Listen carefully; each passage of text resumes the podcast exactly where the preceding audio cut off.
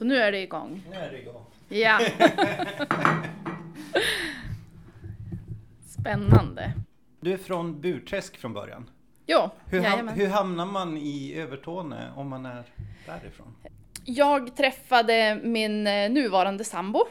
Jag jagar ju, han jagar, så vi träffades via hundar, via jakthundar. Så då flyttade jag till Överkalix eh, 2015. Så jag hamnade i Överkalix från, från början. Men hur, hur träffas man via hundar? Alltså har man liksom ett forum för eller åker Nej. man på evenemang och sådär? Nej, det var så här att vi tog faktiskt en eh, eh, valpar från samma kull. Så han tog en valp och jag tog en valp ur samma kull. Och så sen då blev det så där att man, man började hålla kontakten och höra hur de, ja, men den andra hunden fungerar och ja, på den vägen är det. Gud vad, så här, jätte, vad gulligt. Det är som en så romantisk komedi att Ja, träffas precis. via så här. Hundtricket. Ja, och så sen får hundarna liksom bli riktiga syskon då. Liksom. Ja, precis. Ja.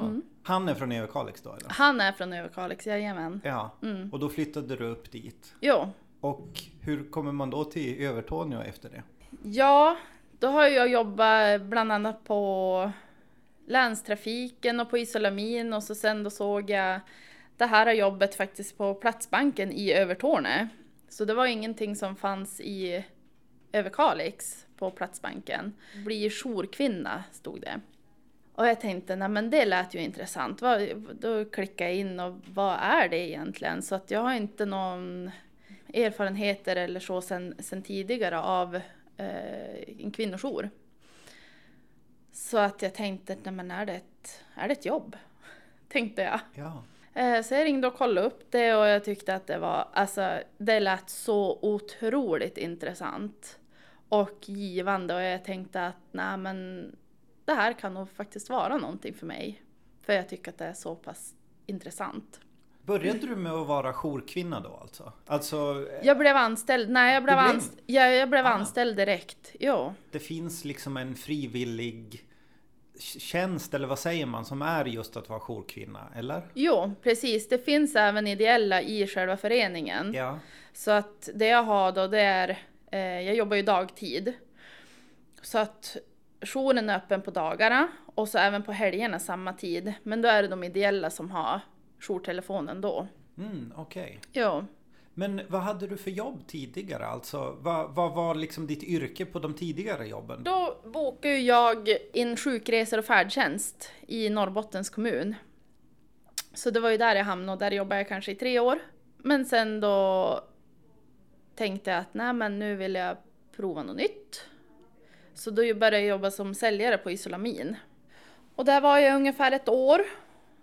Och då tänkte jag också att nej men nu vill jag prova något nytt. Mm. Eh, och jag har ju alltid tyckt om att jobba med människor. Jag är ju utbildad barnskötare i grunden. Och jag jobbar på förskola, jag jobbar på fritids, jag jobbar som eh, personlig assistent i många år. Jag har jobbat som telefonförsäljare i flera år. Så att jag slutade där och jobbade på förskola i kanske något år och så sen då ringde de och frågade om jag ville komma tillbaka och jobba som säljcoach. Så det gjorde jag också ett år. Eh, men sen då var det helt att byta bana. Ja. Men det var ett fantastiskt roligt jobb. Hur bra koll hade du innan på vad det skulle vara ungefär? Alltså jobbet. Kände du någon som har jobbat med det eller, eller visste du liksom av erfarenhet så här vad en kvinnojour gör? Nej, Nej. jag hade ingen som helst aning. Så att där, Men hur vågar man då söka någonting? För det känns som man måste ha ganska bra självförtroende. Våga söka sig till det då. ja, jag har någon som inte varit rädd för nya utmaningar och alltså prova nya eh, jobb och sådär. Att nej, Nej. Eh, Men däremot, alltså med det här, det är ju, det är ju liksom någonting helt annat ändå. Men det är ju så himla roligt och intressant och det, är, det ger mig någonting varje dag. På gott och på ont, måste man ju säga. Så det är ju klart att det kan ju vara jobbiga stunder också. Men, men det är ju ändå givande. Det... Hur ser en vanlig dag ut? För jag tycker det är så här, vissa yrken så tänker jag så här, men vad gör man rent konkret på dagarna? Alltså hur går det till när du kommer? För du, du jobbar ju liksom då om man säger kontorstider. Mm. Hur går det, vad, vad händer när du kommer på morgonen? Hur går en dag till? Eh, ja, men jag är ju då som anställd åt en styrelse. Så att det man kan säga det är ju att ehm, vi har ju då styrelsemöten en gång i veckan som jag är med på och då tas ju liksom beslut om vad jag liksom ska göra. Men för det mesta så är det ju som att planera liksom vad man ska göra till exempel för aktiviteter för att nå ut med budskapet helt enkelt att våld mot kvinnor är inte okej. Olagligt. Och det vill vi ju få fram liksom att hit kan man vända sig. Helt anonymt, vi för inga register, vi kan hjälpa till. Vi har liksom boende, vi har um, hjälp till självhjälp, vi har stödsamtal. Och jag menar, behöver man liksom professionell hjälp då hjälper vi till att eh, man ska få det också. Och vi kan hjälpa till vid myndigheter, vid polisförhör, vid... Vi är som en högra hand helt enkelt. Så att... Vad var frågan? Hur ser en vanlig dag ut? ja, just det ja. eh, nej men så att det, den kan ju se väldigt, väldigt olika ut. Allt ifrån möten med samverkan, vi samverkar ju mycket då med Röda Korset till exempel, som jag verkligen slår ett slag för, för det är en otroligt bra förening det. Alltså väldigt bra organisation som gör otroligt mycket för Övertorneå kommun, det måste jag säga. Men det är ju alltifrån att gå liksom webbutbildningar, samverkan. Nu till exempel, nu har vi ju inte kunnat ha så mycket aktiviteter på grund av den här coronan då. Mm. Det är ju inte opinionsbildande då egentligen, utan det är mer bara att uppmärksamma problematiken liksom. Ja. Eller vad man ska säga. Precis. Men är det främst för då kvinnor som drabbas av våld som man försöker då sträcka ut en hand och visa att vi finns? Är det det som är liksom kärnan i det? Eller finns det som, är det också lika mycket att alla i samhället ska veta? Alltså vilka vill man nå? Ja, precis. Det är ju alla. Det är alla. Alltså, jo, mm. precis. Definitivt. Och liksom få... Um, för att det är ju många ändå som tror att kanske inte problemet finns. Men det gör det. Där, och speciellt kanske i de här mindre, mindre mm, samhällena mm, utanför där, eh, där finns det problem alltså. Och speciellt när det finns den här um, tystnadskulturen. Det finns machokultur här som också eh, ställer till med lite problem och problemet finns absolut. Och det måste liksom synliggöras. Det är lika viktigt att nå de som drabbas som att bara lyfta liksom Absolut. Det samhällsproblemet. Ja, som, precis. Så att liksom man, man, är uppmärksam på sina grannar, man är uppmärksam på de här varningssignalerna. Som man kan tänka att Ja men varför drar min kompis, ja men hon har nyss träffat en ny kille men varför drar hon sig undan? Och liksom hon vill inte ha kanske med sina familjemedlemmar att göra, börjar bete sig annorlunda men säger liksom att det inte är någonting och hon kanske blir lite isolerad och det kanske inte är på grund av henne utan det kanske ligger någonting bakom den där isolering eller bakom den där icke kontakttagande eller att hon blir avskärmad. Men det kanske inte är hennes fel. Min fördom som inte alls är insatt det är ju kanske att du har någon form av alltid bara kontakt med någon som har drabbats av våld och så är det den kontakten. Men det är ju, verkar ju som att det är väldigt mycket annat också. Ja, absolut. Mm. Det är det. Eh, men till exempel, jag försöker ju ha öppet våran eh, chatt mellan en till två timmar per dag. Ja, det är en ganska ny grej va? Det är en ny grej, jajamän. Hur har det funkat? Ja, men alltså det har funkat. Det, vi har fått väldigt bra respons på den. Mm. Där kan man ju verkligen vara helt anonym. Jag menar, där är det ju inga röster. Nej, just alltså, Nej. Så att man hör varandras dialekter, man hör inte... Ja, nej men helt anonym är man ju där. Hur var det första gången du skulle gå, gå till, över till att liksom, nu ska jag prova göra det här via chatt? Var det, var det svårt att göra det tyckte du? Ja, ja. Det, det är det ju. Absolut. Det var det. Men som sagt spännande och vi har ju fått eh, mycket utbildning också via då vår riksorganisation ROX eh, som har hjälpt oss med utbildning då, för det är ju ganska etablerat det här med tjejjour och alltså att de har tjejjourschatt så att den är ju ganska väl etablerad. Men kvinnojourerna och chatten har inte varit så himla länge. Mm. Men så att vi har fått lite handledningsmaterial och sådär, vad man kan tänka på, vad man ska ställa för frågor och så att det har ju varit till stor hjälp ändå. I de flesta kanske andra jobb så kan man ändå gå bredvid någon, man kan göra Alltså du kan ha en handledare, du kan ha någon som man gör det lite, alltså man kan vara flera personer som gör samma sak och, sådär, mm. och så hjälps man åt. Men här är det ju verkligen att det kan ju som bara vara en som jo. gör det i skarpt läge om man säger. Sådär. Precis. Ja men då på utbildningen när vi hade gått, då var det ju att viktigt att man kanske sitter två och två. Men det har ju varit lite svårt i och med att jag är ju själv då. Men då har jag tänkt att, för att då var det en annan ideell eh, som också gick den här utbildningen. Och då har jag tänkt att ja, men då har jag henne som backup. Då ringer jag till henne när det händer. Mm. Och så sen då får hon vara med och hjälpa till sådär att ja men då kan vi samtala liksom tillsammans och jag kan ja, berätta ja, ja. och sådär. Men det glömde jag ju helt bort. Ja. ja. Så. Så, och det hade liksom följt med mig hela tiden att nej men nu ska jag verkligen ha, jag har haft henne liksom, hennes nummer framme och så sen när det väl händer bara nej, som bortblåst. Ja, ja. Och så satt jag där själv och så sen tänkte jag efteråt, men, men gud, varför tog jag inte hjälp? Eh, men det är ju, ja, det är som det är. Ja, när du började på kvinnojouren och tog första så här samtal, alltså för då hade du inte då gick du direkt in i en yrkesroll. Du hade inte börjat att vara liksom volontär ideell på något mm. sätt innan mm. heller. Nej. Var det, var det samma så här? Var det väldigt nervöst att nu ska jag få mina första liksom, ja, skarpa samtal. Så. Ja, absolut. Mm. Det som var positivt att det, det, första samtalet jag fick, jag pratar ju inte finska, eh, så att det är väl kanske en nackdel. För det är ju många som vill prata finska. Men det första samtalet jag fick var en som ville prata finska så då fick jag ju koppla henne vidare. Så det, var, det kändes skönt. Ja, då har man gjort ett som man inte har... Du har inte gjort något dåligt i alla fall. Nej, liksom. precis. Ja. ja. Så det, ja men det var ju som bra. Det tyckte jag ja, Då har du liksom bockat av. Nu är det gjort första samtalet. Jo, precis. Ja, ja. Alltså den här första känslan när det ringer liksom i telefonen. Att, och det var verkligen någon som behövde hjälp och ja men det kändes ändå bra för att det var, det var ju liksom den första. Ja, det var inte lika jobbigt sen.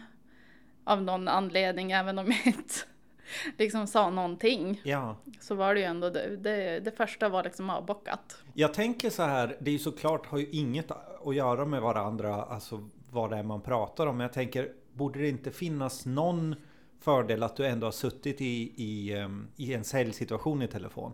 Alltså att du, du är van vid liksom den här telefonkontakten med folk du inte känner, tänker jag. För jag, jag jobbar som telefonförsäljare i ett par år och jag märkte ju att vad mycket lättare det blev efter det att ringa myndighetssamtal eller ta jobbiga samtal med, du vet, arbetsgivare eller vad det nu kan vara liksom. Telefonmöten blev ju mycket, mycket lättare efter. Absolut. Efter det. Även mm. om det inte handlar om samma sak så.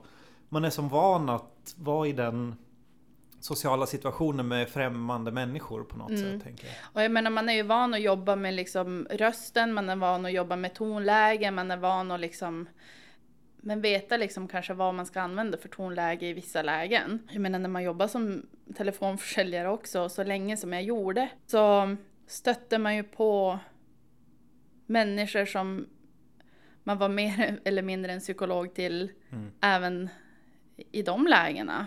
Mm. Eller inte psykolog, där, där väldigt...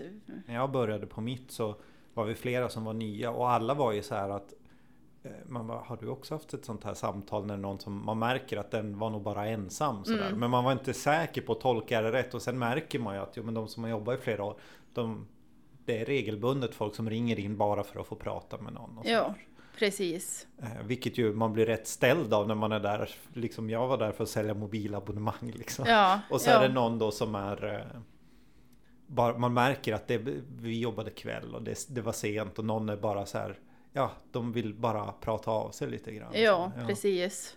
Alltså du har ju, då har du ju varit i en sån situation flera gånger innan liksom. Jo. Men ändå, man kan kanske inte jämföra den här ensamheten heller Nej, med... nej. Nej, men... eh, Men just det här, just liksom här- arbetsverktyget, för jag menar alla, alltså det är ju väldigt stor skillnad på att vara på ett kontor med någon eller sitta i en lokal med någon och, och vara i telefon. Det är som så olika rum på något sätt. Jo, precis. Absolut. Var det läskigt eller började du känna att du gjorde nytta? Eller liksom hur gick tankarna när du började på jobbet? Kände du att du hade hittat rätt? När du började på det nya jobbet? För då hade du ändå bytt bana lite grann. Ja. Eh, nej men hon som var före mig, Tina, så jag gick ju med henne en dag i veckan. Så det var ju guld värt. Eh, och där kunde man ju liksom bolla lite grann och, eh, eller inte bara lite grann utan väldigt mycket. Så att det har varit väldigt, väldigt nyttigt. Fantastisk människa. Ja men jag ser, ser upp till henne och liksom tänker att, att hon har väldigt goda råd och eh, väldigt hjälpsam. Och, så att hon har givit mig väldigt mycket. Är det svårt att ge hjälp? Alltså vet man alltid hur man ska kunna hjälpa? Det är jättesvårt. Ehm, det enda man kan som göra egentligen det är ju liksom att finnas, tro på dem. Alltså tro på de här kvinnorna och barnen. Och ja, men faktiskt säga det till dem att det är ju en otrolig styrka att faktiskt höra av sig. Men allas situation ser ju liksom olika ut, men det man kan göra det är ju bara att finnas där och liksom lyssna. Och tro på dem och bekräfta. Det är väl som grundläggande. Det man kan göra liksom i ett första skede. Man kanske inte ger så himla mycket råd eller så, utan man försöker bara sätta ord kanske på deras känslor och vad de faktiskt har upplevt. Vad de har varit med om. Det är väl kanske första steget. Jaha, så det är ofta så vid en första kontakt alltså att, att man att bara kunna få börja prata om det. Ja, Ja. precis. Är det en av sakerna som är problemet med just den här brottsligheten som kvinnor och barn då blir utsatta för? Är det så att du är den första man pratar med ofta? Kan man generalisera så? och Ja. Absolut. Och bara det att även om de kanske inte lämnar så vet man ju att det finns ett litet frö. De har ändå tagit ett steg. Så att absolut, vi är oftast de första ehm, som de har kontakt med.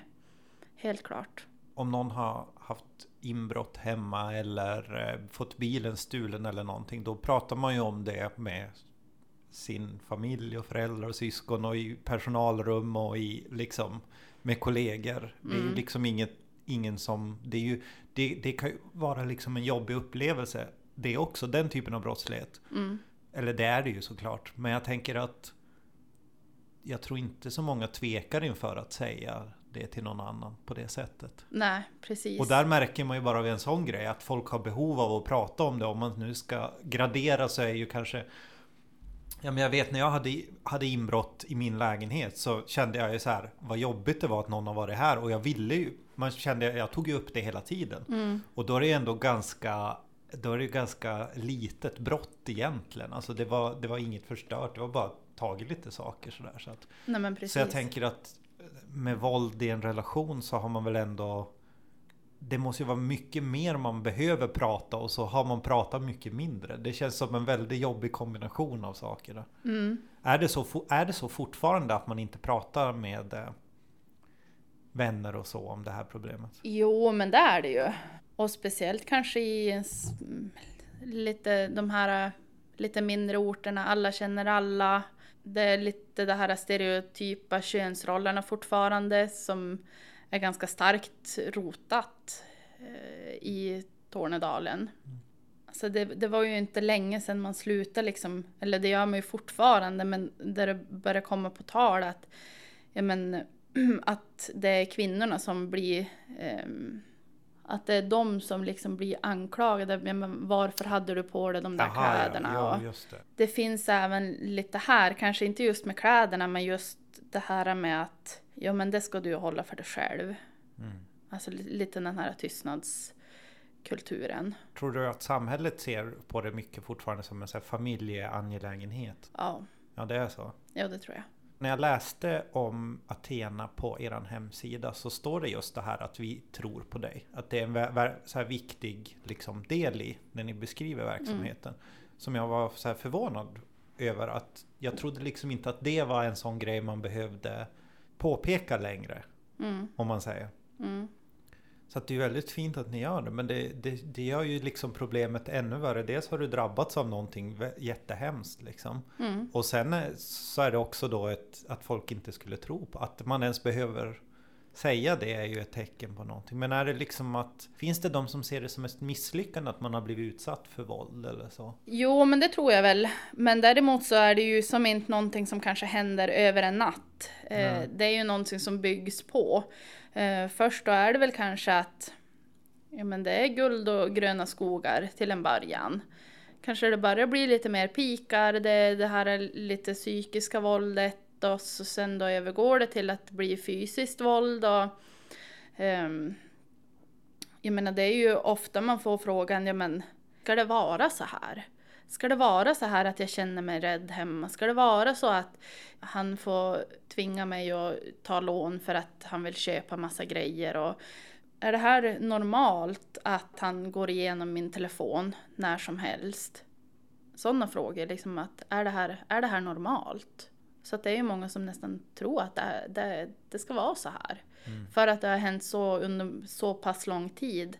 Då pratar man om den här normaliseringsprocessen, att det har blivit liksom normalt i förhållandet att han gör så där. Ja, okej. Mm. Det är ju kvinnan som blir skuldbelagd. För att ja, men jag gjorde så här, jag slog dig på grund av att du gjorde så här. Jag var ju tvungen att titta i din telefon för att eh, eh, du gör så här. Alltså att det är hela tiden den här eh, att det är kvinnornas eh, fel att mannen gör Mm. så. Ser du mycket att man också har gjort har blivit så påverkad att man har gjort den liksom äh, resonemanget till sig själv, alltså att man har börjat tänka så. Alltså är det en följd av att vara utsatt för olika former av våld i ett förhållande? Alltså att du börjar tänka så här, jo men jag gjorde ju... Absolut. Det är det. Även fast kvinnor kanske kommer till oss och har stödsamtal och, och kanske får ett boende så kan man ändå inte alla gånger de har kanske fortfarande ganska svårt att prata negativt om sina partners. För att, ja men alltså jag, jag är ju ganska besvärlig att faktiskt leva med. Ja men jag kanske inte har ställt upp tillräckligt mycket för han. Det är inte någonting som eh, tror jag går över liksom från en natt till en annan bara för att hon har blivit liksom fysiskt ja, misshandlad på något sätt eller varken psykiskt eller fysiskt. Så, så finns det ju den där äh, känslan kvar att det kanske är hennes fel. Men det är det ju inte. Finns det någon särskild anledning till varför man vänder sig till en kvinnojour och inte till polis eller socialen eller sådana? Det är ju liksom att hos oss är man ju anonym och det är ingen myndighet. Generellt sett så kan det ju vara ganska jobbigt att vända sig till en myndighet.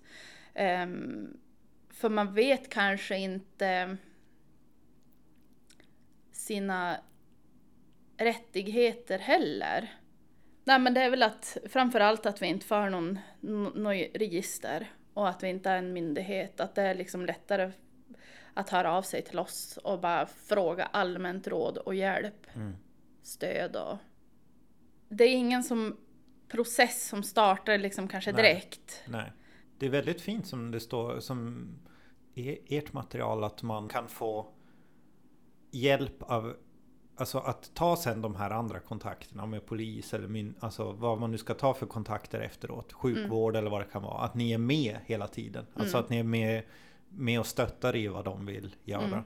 Men finns det också en balansgång med det här att Behöver du ibland vara lite liksom pushande kanske är fel ord men Alltså behövs det ibland att, att man blir lite projektledare eller vad man ska kalla det alltså Eller väntar man alltid bara in? Alltså finns det någon bedömning du måste sitta och göra där alltså att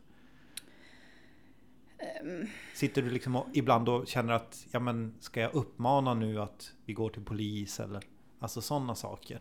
Eller är det mest lyssnande du är? Alltså det beror ju på lite grann hur till exempel samtalet är. För att man får ju ha liksom den känslan att att är det liksom rätt att jag pushar i det här läget för att polisanmäla? Mm. Eh, eller är det så att jag skrämmer bort den här personen då? Mm. Eh, till exempel att jag kan ju fråga om det är polisanmält. Och då får jag ju reda på att, ja men, får jag höra liksom reaktionen på det om det är att åh nej, aldrig. Mm. Ja men då kanske jag inte ska, ja men pusha på det. Utan då får man ju liksom gå tillbaka och försöka berätta på ett smidigt sätt vad faktiskt hennes rättigheter är.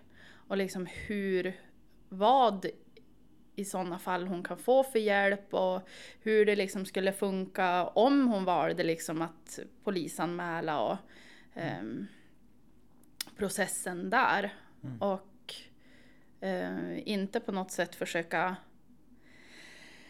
eh, portion att polisanmäla. Nej. Utan att man får börja liksom i en annan ände då.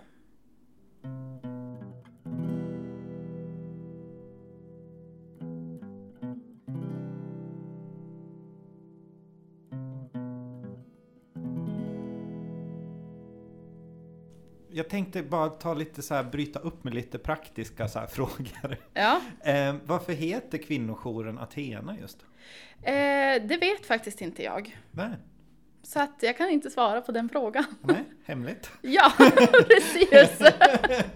Säger vi då. Jag är ju ändå relativt ny, eller inte, det ska jag väl inte heller säga, men jag har ju jobbat här ett år och ehm, Ja, det är bara ett år? Ja. Ah, jag tänker ändå, du verkar så kunnig så jag tänker att du har varit så här. Nej, jag har bara jobbat ett år. Ah. Ja. Så att, eh, nej, jag, det vet jag faktiskt inte. Ja. Mm. Eh, hur finansieras en sån här lokal kvinnojour? Eh, via bland annat Socialstyrelsen som vi får pengar ifrån, som vi ansöker om eh, per år. Det är eh, via olika fonder som vi söker ifrån. Det är ju väldigt osäkert, jag är ju bara anställd tre till sex månader i stöten. Jaha, okay. Så att det är ju ganska svårt att liksom planera eh, lite längre fram också. För att jag vet ju bara att jaha, nej, men nu har jag anställning till den 31 december. Ja. Sen då vet inte jag Aha. hur det ser ut. Det är ju väldigt konstigt ja. egentligen. Mm. Jag tänker det är ju väl, det är svårt vad man än har för yrke att vara tvungen att tänka då ja, bara kortsiktigt men samtidigt måste man ju ha långsiktiga mål i en sån verksamhet. Ja. Som, som informationsbiten till exempel. Det tar ju mm. lång tid att ja. ändra saker. Absolut. Och ibland då får vi ju då, då har det sett ut att då får vi liksom ett, eh, pengar på våren. Eh, eller i början utav året. Sen då kan vi få en väldans massa pengar i september av Socialstyrelsen som ska göras av innan den 31 december. Mm. Så att annars måste vi betala tillbaka. Ja, just det. Så att det har ju varit ganska svårt ibland. Jaha, nej men då måste man panikgöra någonting och det blir ju som varken hackat eller malet. Ehm. Ja, då får man hela tiden gå och ha sådana här, ja men om vi får det här då kanske vi kan göra det här, men om vi inte, alltså du måste ju liksom ha dubbla planeringar då ja, lite i huvudet. Exakt. Och nu så tycker jag att det, det är jättetråkigt att nu har vi fått väldigt lite pengar utav Socialstyrelsen. Så att nu har vi fått, ja men så här lite pengar har vi inte fått från Socialstyrelsen någonsin. Och det gäller för 2020 och 2021. Så det är tråkigt. Och speciellt med den här, med det här också, just den här pandemin som vi vet drabbar kvinnor och barn väldigt mycket. Jag såg att FN tog upp det som en... Stämmer det? Eller har jag fel där? Att FN tog upp det som en av de här sakerna som kommer bli en följdeffekt. Som kommer vara väldigt liksom svår för globalt problem. Och då är det ju konstigt att det dras ner. Jo. Kan man ju tycka. För FN har ju ändå en viss koll. Absolut. Ja. Och så är det. Att ehm, Som nu under när, när det varit mycket isolering. Då var det ju svårt för eh, kvinnorna att höra, höra av sig. Eh, så att nu har det ju bara ökat. Alltså att när... Mm, det är ju inte, och så sen då kommer ju semestern och då blir man ju också hemskt isolerad. Det ser man i väldigt många jourer att kring julhelger, påsk, nyårs och under semestern då blir, blir ganska ofta en liten nedgång på grund av att då är man ledig tillsammans, man har inte samma möjlighet. Utan då brukar det komma efteråt. Och det är väl det också som det har blivit här att, att det har börjat höra av sig ganska mycket nu. Alltså de senaste veckorna så Ja, har det varit, det har varit mycket. Då, då är man isolerad familjen eller är det även att det är den här yttre stress med jobb? Alltså man får mindre jobb eller? Alltså är det sådana saker som påverkar också? Att, alltså jag tänker... Alltså det kan ju vara allt möjligt, liksom just från den här ekonomiska osäkerheten Mm. som kan ställa till det.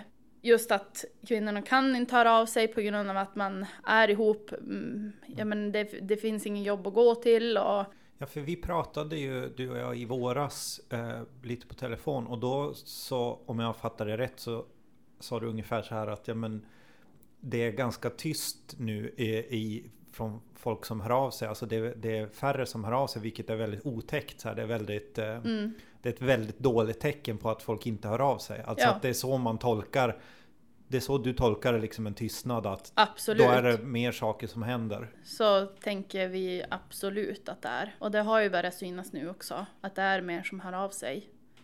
Bara under de senaste veckorna. Mm. Om man tänker liksom att helger, semestrar, högtider, allt sånt där är, är ju liksom riskområden eller vad man ska säga då. Mm. För de som eh, lever i ett eh, våldsamt förhållande eller så. Eh, hur påverkar det dig? Alltså blir det inte väldigt lätt att man känner att man alltid måste jobba? Alltså Förstår du? Att man alltid ska vara Ja. tillgänglig eller Mm. liksom när man vet att ja men kvällar och Mm. efter jobb och på helger och allt sånt Mm. där. Att, hur, hur hanterar du det? Jag tänker när man är Ja, ny på ett dåligt. jobb också. Ja. Väldigt dåligt. Jag har ganska svårt att, att släppa. Ehm, men nu kanske det har blivit...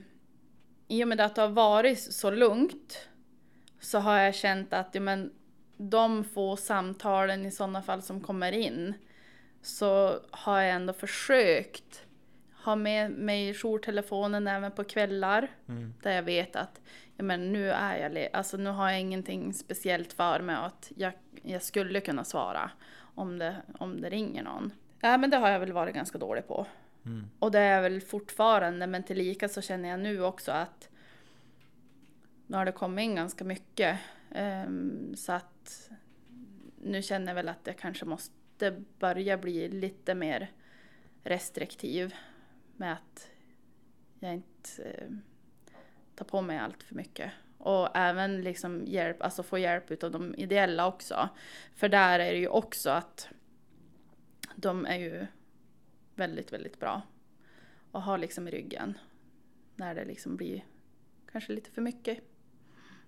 Ja, det blir sånt moment 22 att man måste ju vara en person som bryr sig mycket, liksom engagera sig för att ha ett sånt jobb. Ja, absolut. Och samtidigt är det ju det som kommer göra att man inte kanske orkar på lång sikt Precis. ha den typen av jobb. Ja. Jag, liksom. Ja, helt klart. Är det svårt att få folk att bli eh, jobba ideellt? Alltså att vara de här som tar jourtimmar och sådär eller? Det hör ju av sig någon gång sådär då och då. Och vi söker ju även eh, ideella. Tycker att alla ska gå in på vår hemsida och kolla på den.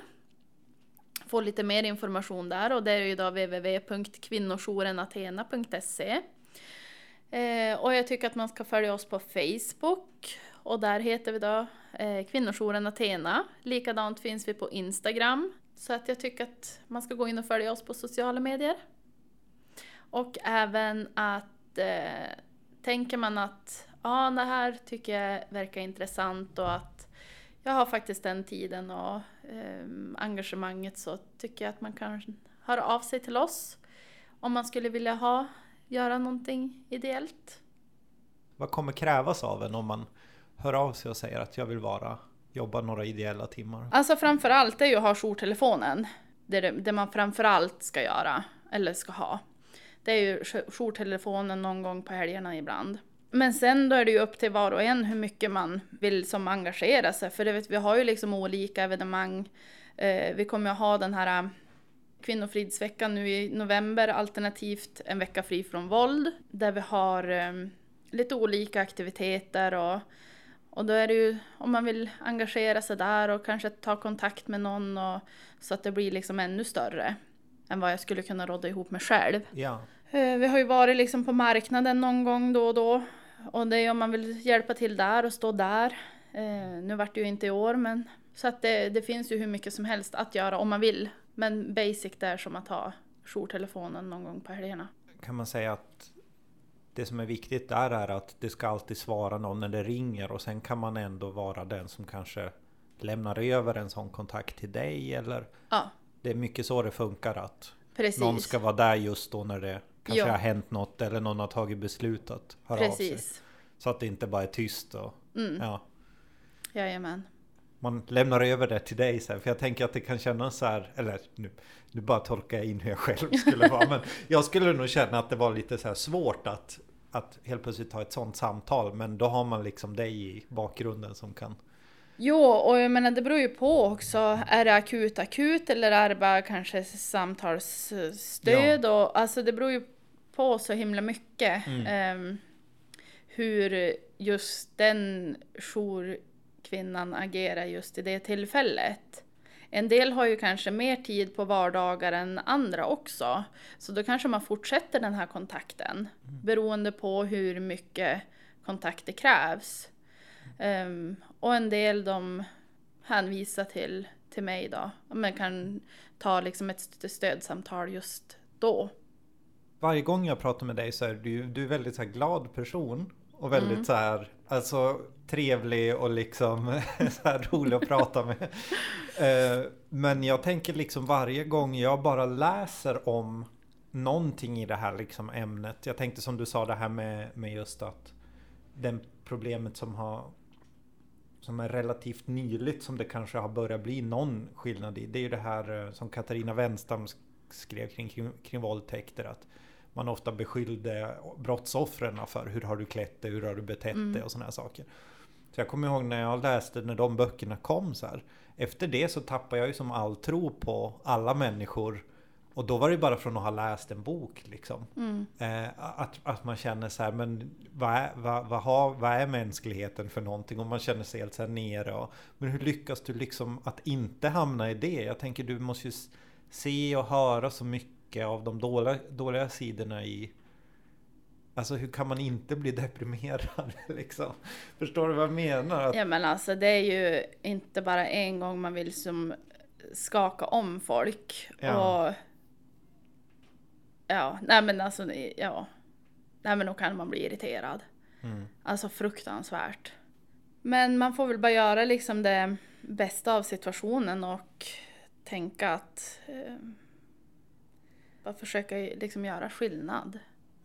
Och lyfta frågan och diskutera och vara med i poddar och ja, prata om det. För jag menar, även om man vet att man gör ett jobb som är viktigt så behöver man ju som ändå små så här personliga, vad ska man säga? Alltså det måste ju som vara tillfredsställande för en själv också, hur bra man än vet att ens yrke är. Men får du liksom en, en utdelning av att se att du gör någon skillnad eller liksom att...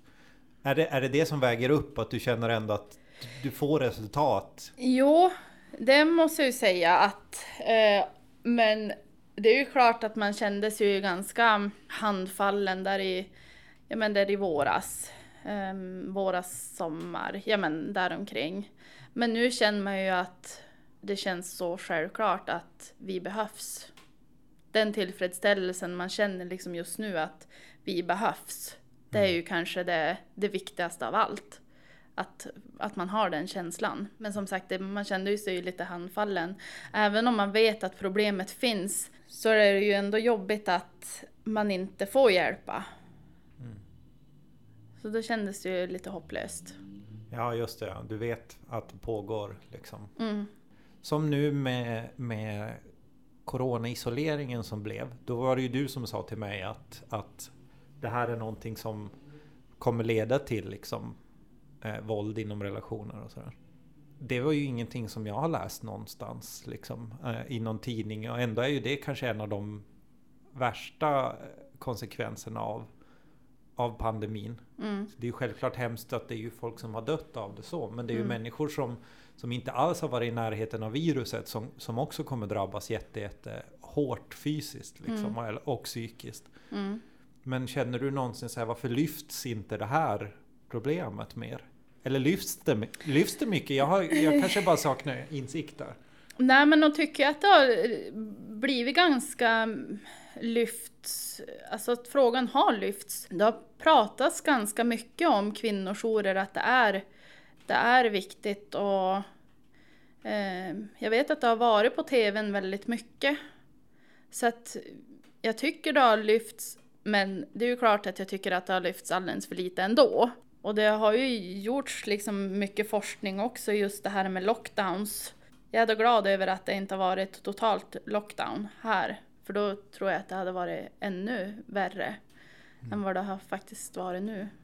Ja, det var en sån grej som, som jag tänkte på när, när vi jobbade med det här på kommunen. Att jag läste Folkhälsomyndigheten har liksom ett verkar ju ha en strategi där de nämnde någonstans att de tittar liksom på all hälsa mm. utifrån även en pandemi. Att de tittar mm. inte bara vilka som drabbas exakt av viruset utan Ja men tänk om det är så att väldigt många skolungdomar i tonåren blir isolerade hemma. Vad kommer mm. det leda till för depression till liksom mm. Själv, ökad självmordsstatistik, alltså sådana saker mm. också. Och Absolut. att man alltid måste ha ett sånt helhetsperspektiv på det. Men det är alltså så liksom att även, alltså om man skulle ha stängt samhället mer dramatiskt så tror du att det hade blivit vålds, våldsammare liksom? Ja, absolut. Ja. Det är jag helt övertygad om. Ja. Och jag menar, det är ju som många barn, alltså det är ju den enda maten de får i skolan. Alltså skolan är ju verkligen livsviktig för många. Så att nej, gud, ehm, det är bra. Mm, Folkhälsomyndigheterna ja. har gjort det bra. Ja. Mm, även om det har varit väldigt sorgligt det här äh, med alla dödsfallen, det är jo. ju givet. Nu vet inte jag hur det är med så här misshandels, alltså anmälningsstatistik och sånt. Blir det mer, fler anmälningar per år eller vet man det? Ja men då blir det mer anmälningar. Ja. Det blir det. För jag tänker liksom men sen då vad det beror på, ja. det, det vet man inte. Alltså om det har ju ökat i anmälningsstatistik angående våldtäkt. Men då vet man inte om det är på grund av att den här eh, samtyckeslagen, att den har liksom kommit till att det kanske är lättare att anmäla just nu. Eller inte just nu men... Ja, det är en tydlig att, signal att man, man kan anmäla någonting. Precis. Som kanske innan man var osäker på, eller? Ja. ja. Men det är ju det man inte vet. Har, har öka våldet eller är det bara fler anmälningar? Ja. Inte ja. vad jag vet i alla fall att Nej. man vet. Mm. Nej, för jag tänker att uh, mer anmälningar kan ju vara något, något, något jättebra egentligen. Alltså uh, att man vågar ja. ta sig ur hemska Precis. situationer. Liksom. Men det kan också vara, är det, är det liksom att våldet ökar? Ja, precis. Som gör ja. att anmälningarna ökar? Ja, precis. Då kan det ju vara det, jättebra grej att det sker eller jättehemskt. Alltså, ja. Vad, ja, vad svårt. Precis. För jag läste på ROX tror jag det var någonting om att det är liksom ett socialt... Hur skrev de? Typ social utveckling eller något sånt där. Alltså ett socialt utvecklingsproblem liksom att man... Att unga killar sen blir de som slår. Mm. Alltså kan man... Är det, är det där man ska förebygga? Tänker, tänker du? Eller liksom pratar man om sånt inom jag tänker kurser du går, eh, så här, extremt luddig fråga. Eh, ja, nej men jag förstår frågan. Eh, men jo, och speciellt det som har blivit lyfts nu, eh, det är ju alltså porrindustrin för unga. Och man ser ju liksom att när man har gjort de här undersökningarna då börjar barn och po- små pojkar börja se på porr i 12-årsåldern. Det är liksom den första gången som de kommer i kontakt med porr.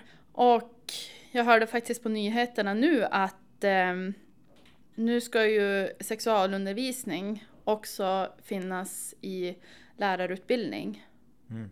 Äntligen. Ja, precis. Och där man kan prata om porr och Alltså man ser ju liksom tydliga samband med de som tittar väldigt mycket på porr och sexuellt våld. Det kan man se en ganska tydlig, tydlig koppling mellan, mellan porrtittande och sexuellt våld. Men problemet är ju att den här, det är bara några klick bort på internet. Alltså det är ju liksom inte normala grejer som ändå visas på porren. Det är ju extremt grova grejer. Och om en 12-åring börjar se de här grova grejerna, vad ska han tänka och vad ska han mm. tro? Och så när man inte pratar om det så mycket liksom i skolan och jag tror inte att det är så många som föräldrar som kanske kan prata om sånt heller med sina barn eller med sin son eller dotter eller Många tycker att det kanske är lite jobbigt att prata om. Och det är därför jag tycker att det är jättebra eh, just det här med att nu att de ska börja ha sexualundervisning för lärarna. Alltså att det ska ingå i, i utbildningen för lärare så att lärare ska kunna prata om det lite mer mm. ogenerat. Jag känner mig ju svingammal men som är född på 80-talet där kändes det ju som att lärarna freestylar lite utifrån vad de har egna erfarenheter och så fick man höra vad de har varit med om. Ja. Och så var det lite om så här syfilis och sen var det klart. Liksom. Ja, precis. Och det var så, jag vet inte ens vad man ska Jag vet inte ens vad jag ska ha det där till. Att jag, nu vet jag liksom vad min så här, biologilärare var med om när han var 15. Vad ska jag med den kunskapen ja, till? Liksom? precis. Mm. Sådär. Det är ju svårt att se det på något annat sätt än bara som ett så här fnitter i timme man har. Liksom. Mm. För att det var ju bara det också. Ja, precis. Eller, eller total så här eh, könssjukdomsskräck. Ja. E eventuellt, säkert ja. för vissa då. Och så sen då det här tekniska, hur det fungerar. Ja, ja. ja man, mm. Att det fanns inte med någonting om sådär eh, någon känslomässig bit eller hur man är med andra människor. Alltså Nej. inget sånt. Eh, Nej, liksom. precis. Du själv håller på med jakt mm. som fritidsintresse och när jag flyttade tillbaks hit från att ha bott i Göteborgstrakten liksom sen jag var tonåring. Så tycker jag att på ett sätt så, så kan det finnas kvar könsroller här som kanske i en stad är att man, om man säger har kommit längre. Mm. Om man ska hårdra det lite så. Men på, på å andra sidan så finns det ju, det finns ju andra, vad ska man säga, det finns ju ändå en annan tjejroll eller kvinnoroll. Att man ser tjejer som kör skoter, jagar. Mm. Tjejer har, det är nästan fler tjejer kanske som kör epa när de är yngre här. Mm. Eh, de, jag har liksom tre vänner som jagar, alla är kvinnor. Liksom, mm. sådär. Mm. Tycker du att könsrollerna här börjar bli mer tillåtande? Eller är det bara inom vissa områden sådär? Svår fråga. Men lite både och. Nå finns det liksom exempel på att även fast det är liksom en kvinna som jagar så betyder inte det på något sätt att hon skulle bli bättre bemött. Jag har själv varit i den situationen där jag fick byta jaktlag för att det gick inte. Det var alldeles för mycket så här lilla gumman. Och, oj, oj, oj. Den där lilla gumman. Höj. Det, det kan göra mig riktigt frustrerad. Ja. Ändå kanske både och. Även om det kanske är, det på ett sätt inte är um, inte alla kanske har de här stereotypa könsrollerna så betyder det inte att man ändå har kommit längre. Eh, kan jag tycka. Mm. Att det ändå är mer accepterat. Mm. För man får ändå liksom stånga sig blodig ibland. Och ibland då inser man, men åh, man orkar inte slut. Är det viktigt att man har liksom en egen erfarenhet när man har ditt jobb? Sådär? Alltså har man en nytta av saker man själv har varit med om? Eller får du liksom, är det en mycket en kunskap att man lär sig allt eftersom man gör jobbet? Eller vad man ska säga. Alltså är det viktigt att kunna säga till någon så här, jag vet hur det är eller jag har sett det och det eller? Alltså är det liksom mycket att man lägger in sig själv i jobbet tycker du? Väldigt, väldigt svår fråga. Ja. Um, jag tror att de flesta faktiskt har råkat ut för någonting um, på ett eller annat sätt. Men jag tror att det viktigaste kanske är att reflektera att man faktiskt har varit med om saker. Och det kan ju vara allt ifrån en mindre allvarlig situation till en otroligt allvarlig situation.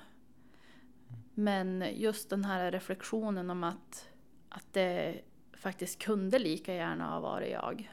Och inte tänka att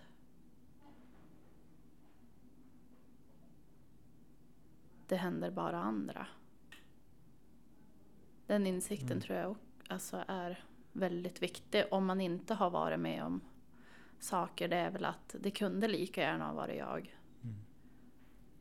När det blir en sån här eh, sak som metoo till exempel. Mm. Som ju är, var liksom global, globalt eh, liksom fenomen under samma flagg verkligen. Eller liksom samma tema sådär. Kan du se i ditt jobb att ja, men det, det kanske är många som har nu börjat se på sina erfarenheter annorlunda eller? Det tror jag. Det, det blir så ändå? Mm. Ja, jag, jag tror det och jag hoppas det i alla fall. Mm. Att, um, um, att de här gränserna blir mer tydliga på något sätt. Att grejer är inte okej okay, att liksom någon chef till exempel eller kolla ner i urringningen. Mm. Jag tror att sådana grejer har börjat bli kanske lite mer, varför tittar du där? Inte okej. Okay. Medan förut då kanske det var lite mer kanske skamfyllt kanske att man tänkte oj, jag kanske inte skulle haft på mig den här tröjan. Så det finns liksom en kraft i så här personliga berättelser? Det, det, det tror jag definitivt. Mm. Absolut. När Athena liksom är med och anordnar så här kvällar där det är någon som berättar eller sådär. Är det liksom med, med den baktanken lite att man ska kanske få syn på någonting i sitt eget liv mm. eller är det mest inspirera eller vad man ska säga? Sådär? Nej men det beror ju på liksom vad det är. Ehm, men absolut, när vi var med Röda Korset och man får prata om liksom vad är våld? Vad finns det för typer av våld? De flesta kanske tror att våld är fysiskt. Eller kanske psykiskt. Men det här, alltså försummelse. Alltså det är också någonting som är ändå ett vanligt förekommande det också, men det kanske inte pratas lika mycket om det. Ja, vad räknar man in i det? Att man möblerar om till exempel hos en blind människa. Man ger inte medicin till de som behöver. Ja men det finns ju som olika typer av våld också som man också vill som synliggöra. Det är inte alla som kanske tänker på det. Ja. Är det mycket det som du är med och gör att du är med och reder ut liksom att som du sa tidigare att är det här normalt eller inte? Alltså är du med och reder ut att jo men det här var faktiskt det här är faktiskt våld som du utsätts ja. för. Ja, det Precis, är så. Ja. Och det är det också som man får vara Ja, men försöka hjälpa de här eh, kvinnorna att sätta liksom ord på vad de faktiskt har upplevt. Eh, och vad de faktiskt har varit med om och sätta ord liksom på både känslor och även liksom vad de har varit med om. Så man, när man ringer till er så behöver man inte ha en så här agenda att det här vill jag uppnå med samtalet. Nej. Utan det kan vara just att det känns, det här känns inte bra. Det räcker med det liksom. Ja. Eller? Precis. Och så är man med och nystar tillsammans med dem i...